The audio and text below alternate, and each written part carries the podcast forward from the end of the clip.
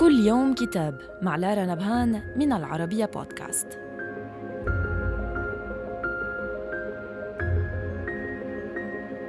نتناول اليوم كتاب حكايات ذكريات المعاناة والأمل والأسفار الكثيرة للكاتب الصحفي ووزير الإعلام الأردني السابق صالح القلاب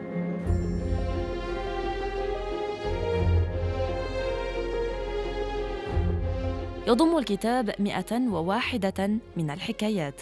امتازت بسرد سلس أقرب للأسلوب القصصي عبر أسلوب التشبيه والوصف غير المباشر وتصويره للأحداث والشخوص والأمكنة التي تعرف عليها في أسفاره الكثيرة واسترجاع الزمن الماضي وربطه بالحاضر في ثنايا الحكايات.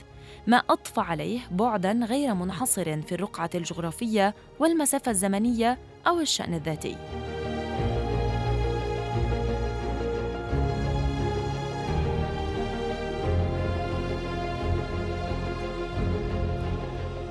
ومن خلال ذلك نتعرف على أحداث تاريخية وسياسية كثيرة ابتداء من الخمسينيات ونطلع أيضا على موقف الكاتب منها أو ردود فعله. وقد ساعد الجلاب على الإحاطة بهذه الجوانب عمله الصحفي الطويل في عدة صحف ومجلات عربية مراسلا وعاملا وكاتبا.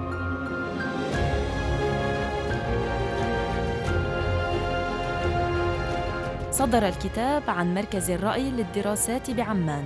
وإلى اللقاء مع كتاب جديد.